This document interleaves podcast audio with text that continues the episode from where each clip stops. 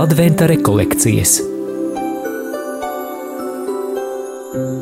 kopā ar Radio Mariju Latviju.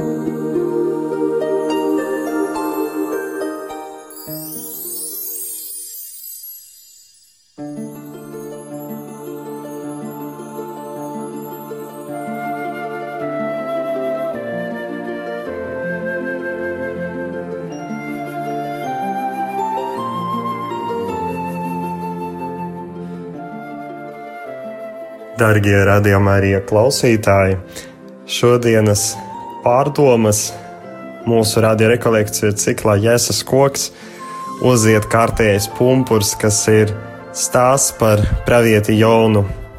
Jonas grāmatā mēs atrodam daudzus motīvus - pravieša bailes, bēgšanu no dieva aicinājuma, grēcīgas pilsētas radikālā atsaukšanās, aicinājumu atgriezties, Tomēr šodienas pārdomas mēs pievērsīsimies vaļa tēlam, jo vālis jeb lielā zivs aprie ūdeni iemestu jaunu, un tās iekšienē pavadīs trīs dienas pēc lūkšanas pie dieva.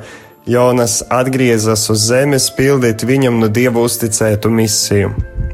Un pats Kristus sauc pravieti Jonu par zīmi šai paudzei un saka, ka citas nebūs, Jo kā Jona trīs dienas un trīs naktis bija milzu zivs vēdera, tā arī cilvēka dēls trīs dienas un trīs naktis būs zemes sirdī. Tādējādi Jona, kas iznāca dzīvs no milzu zivs vēdera, ir zīme Kristum, kas bija mīris, apbedīts un ir augšām cēlies. Baznīcas tēvi tajā, kā pēc piedzimšanas bērns Jēzus tika guldīts Betlēmes alas lopu aploka barotavā, saskatiet ciešu alegoriju ar viņa vēlāko guldīšanu klintī izcirsta kapā. Tādējādi Kristus piedzimšanas vieta un apstākļi nav pasakāns cukurnāmiņš, bet gan skaudra un traģiska realitāte. Tāpēc arī senē ikonogrāfijas tradīcija pastāvēja tēls, kurā varēja redzēt jaundzimušu Jēzu guļam krustveida silītē, kurai jaundzimušais jau ir plaši atplicis rokas kā uz krusta. Tā milzu zivs, kas aprijusi Jonu, kļūst par zīmi krustam un nāvei, bet arī dieva uzvarai par ļaunuma spēkiem.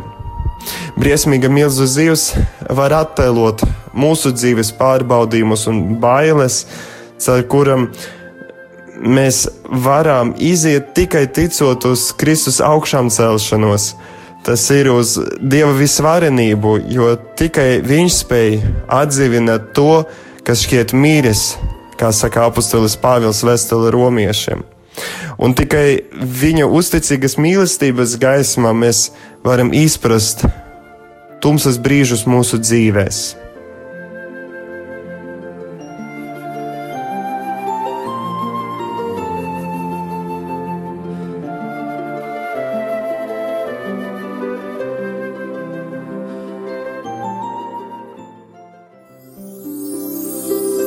Piemērs no dzīves.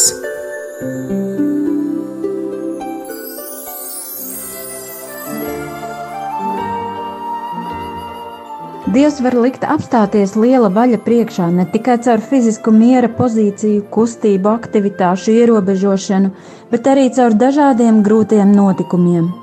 Man vajadzēja apstāties vājas mīlestības priekšā, man bija jāpārtrauc sava vājā spēja mīlēt mammu, ārēji to parādīt, teikt labus vārdus, iepriecināt viņu.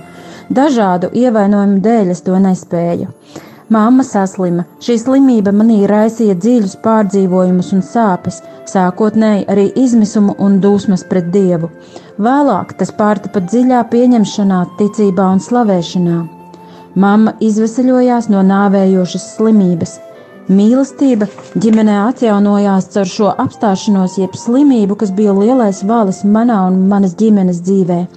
Es izvēlējos Kristus mīlestībā ikdienas apliecināt ar vārdiem savai mammai, ka viņu ļoti mīlu un ka viņa ir brīnišķīga, ka viņa tapas dziedināta. Tas notika, lai piedzīvotu Kristus krusta spēku, Dieva īpašo gudrību un vadību.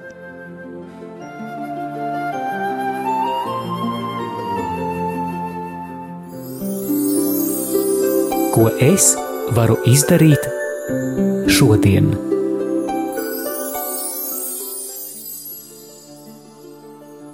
Šodienas pārdomās mēs varētu sev jautāt, vai es apzinos kaut ko, kas manā dzīvē līdzinas šai milzu zīvī.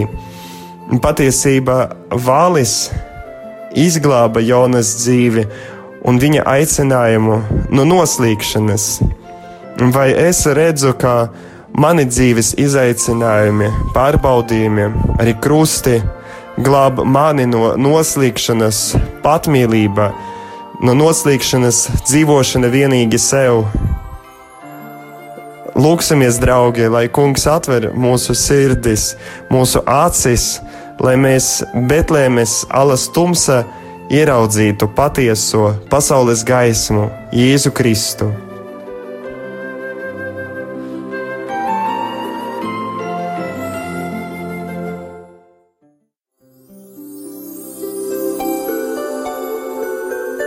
Adventa rekolekcijas